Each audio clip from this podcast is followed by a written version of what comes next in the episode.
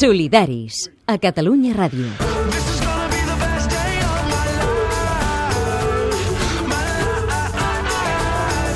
No fem diferències. Mira, ve poc els solidaris, però és culpa nostra, i ho hem d'admetre, eh? perquè aquest any al programa tenim molt menys temps que altres temporades i a vegades amb els de casa és quan és, és amb qui prens menys cura. Eh? I volem encabir tanta gent als solidaris, tants temes que són importants de tractar, que, que gent com ell, doncs aquest any heu vingut molt poc. Francesc de Dalmases, com estàs? Molt bona tarda, però quan venim ho celebrem molt, eh? I tant, nosaltres també. Director de la revista ONGC, la capçalera de referència del gremi del sector a Catalunya.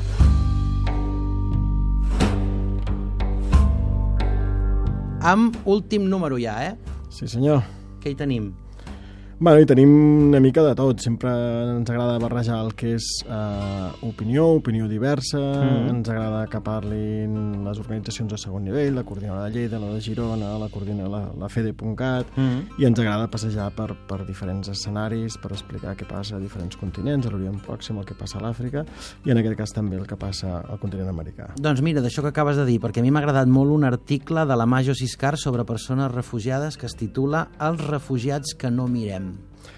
La veritat és que han estat coincidències maques, perquè, a més a més, quan l'article ja, ja estava publicat, hem sabut que, que la Majo ha estat guardonada amb el Premi Internacional de Periodisme sí. Manuel Alcántara. Eh, molt bé, la setmana passada, no? Exacte, que ha reconegut la qualitat periodística d'una jove professional. Mm. I la veritat és que si llegiu l'article ho entendreu, perquè en un moment en què efectivament jo penso que hi ha una, una preocupació general pels refugiats, però potser una mica, una mica focalitzada en allò que diríem els nostres, ja m'enteneu, mm. i que també hem parlat molt de Trump i del mur que sí. vol aixecar entre Mèxic i els, i els Estats Units, eh. però potser hem posat poca atenció en aquests immigrants que es veuen afectats per aquesta realitat. Diguem que és important que Europa es fixi en aquests refugiats. Digue'm tu, en realitat explica'm-ho tu, perquè és important eh, en aquests migrants que fa tantes dècades que sabem que hi són, que els coneixem, però que mai ens hi havíem parat a fixar tant més enllà de pel·lícules o d'alguna notícia escabrosa en els mitjans de comunicació. A mi m'agrada molt com ho explica la Major Siscar, perquè ens explica i fa un retrat molt dur, però al mateix temps poc donat al groguisme, mm. explicant com és, com és aquesta gent que fuig de violències extremes, que, que pateix el tràfic eh, de, de persones, que pateixen aquests criminals sanguinaris, els controls migratoris, les autoritats corruptes, segrestos que de fet són peatges i dones que saben segur que si fan un itinerari determinat seran violades. Eh, de fet, és, és, és la història de vora 300.000 centroamericans que cada any intenten creuar Mèxic per arribar als Estats Units. Uh -huh. Volia celebrar els 11 anys quan arribés als Estats Units amb el seu tiet Toño, però es va ofegar a les costes de Chiapas, al sud-oest de Mèxic, dos dies abans de complir-los.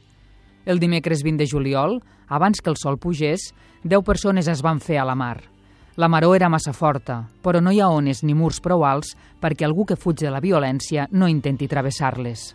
Doncs aquesta, per exemple, és la història de Jennifer Ninet Gabarrete, que va anar a fregar amb un altre nen salvadoreny de qui no ha transcendit la identitat. Mm -hmm. Dos nens morts en una costa, sense cap foto que doni la volta al món, ni l'escàndol més enllà del que són els mitjans locals. Saps què em fa pensar? En...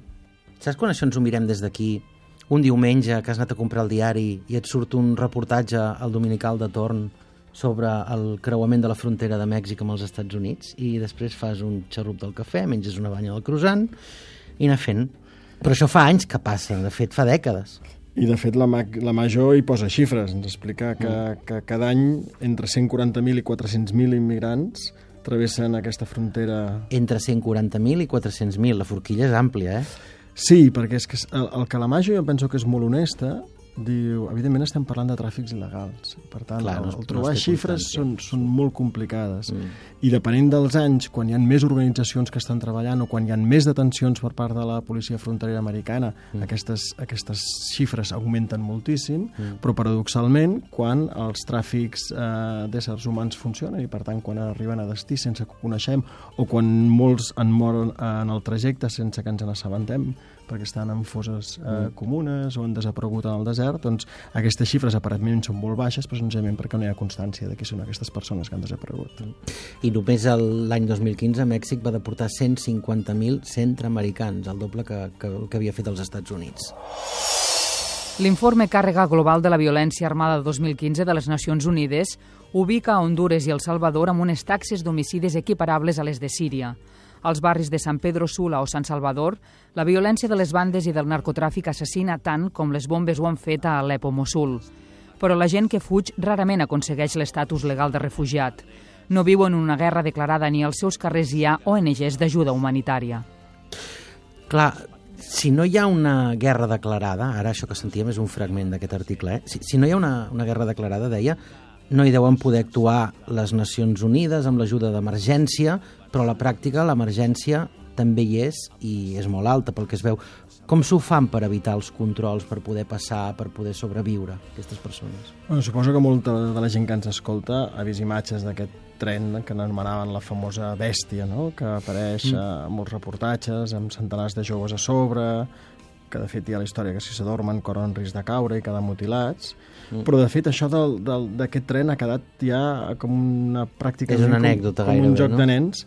Clar, perquè eh, en, en aquesta guerra terrible, aquest estat fallit que és Mèxic des de fa una dècada, els immigrants són els més vulnerables, mm. i la mateixa Comissió Nacional dels Drets Humans calcula que hi desapareixen uns 20.000 centroamericans cada any. I el que m'agrada del que explica la Maja en aquest article és que posa xifres que si nosaltres les veiéssim, com deies, en un entorn de guerra declarada... Les trobaríem normals.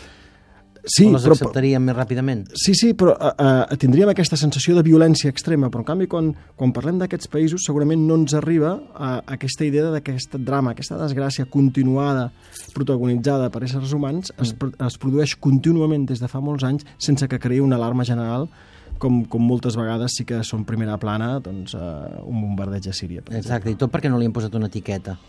Bueno, segurament perquè, perquè no hi ha res pitjor per un conflicte, per una situació que s'enquisti. Quan s'enquista, eh, fins i tot els mitjans, i aquí podem fer autocrítica, ja que estàs aquí, Adrià. La que vulguis. Eh, ho acabem assumint amb una certa normalitat, amb tantes cometes com faci falta, quan realment el que demostraria que un, que un, que un fet s'enquisti és la necessitat d'actuar-hi. Mm, perquè per una banda és important... Mira, ara, permeteu-me el comentari, eh? Estic pensant en aquest programa segurament tu t'ho deus haver plantejat amb la revista. Tu penses que d'aquests temes no n'has de deixar de parlar perquè el, el que estàs fent és explicant-ho al món i no silenciant, però al mateix temps, quan més en parles, també penses que pots crear aquest efecte contrari, aquesta mena d'anestèsia, que fa que, bueno, una vegada més en parlen, una vegada més expliquen. I per això tenim recursos, i per això heu importat ah. l'article de la Maja, perquè ah. jo penso que ella fa unes equivalències que són interessants.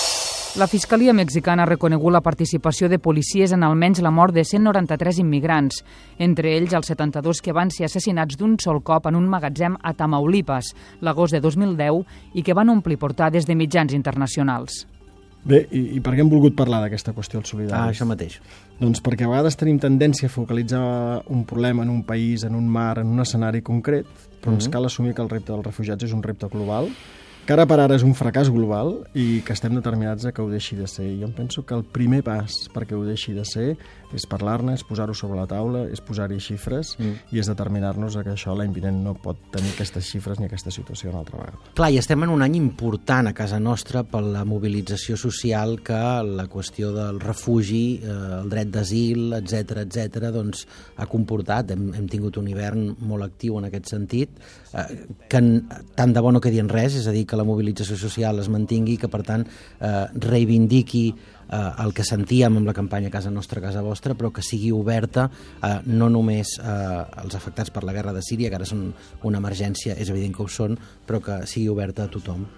En a tots sentit... els diferents conflictes, vull dir, vaja. No, efectivament, Catalunya en aquest sentit és una feliç anomalia europea, Eh, podríem estar preocupats per moltes altres coses que ho estem, però també estem preocupats per aquesta qüestió que ens mm. interpel·la cada dia, perquè la Mediterrània és el nostre mar i perquè, a més a més, no, no volem resultar indiferents.